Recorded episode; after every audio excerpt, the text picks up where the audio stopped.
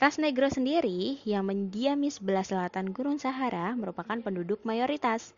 Ras Negro ini terdiri atas beberapa suku bangsa seperti suku Masai, suku Kikuyu, suku Zulu, suku Sudan, dan suku Bantu. Yang kedua ada ras Kaukasoid dari keturunan Arab yang mendiami Afrika Utara.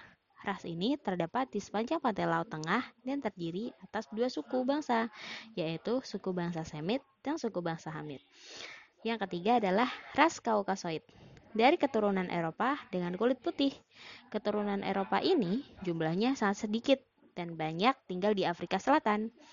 Dan yang terakhir ada suku pribumi.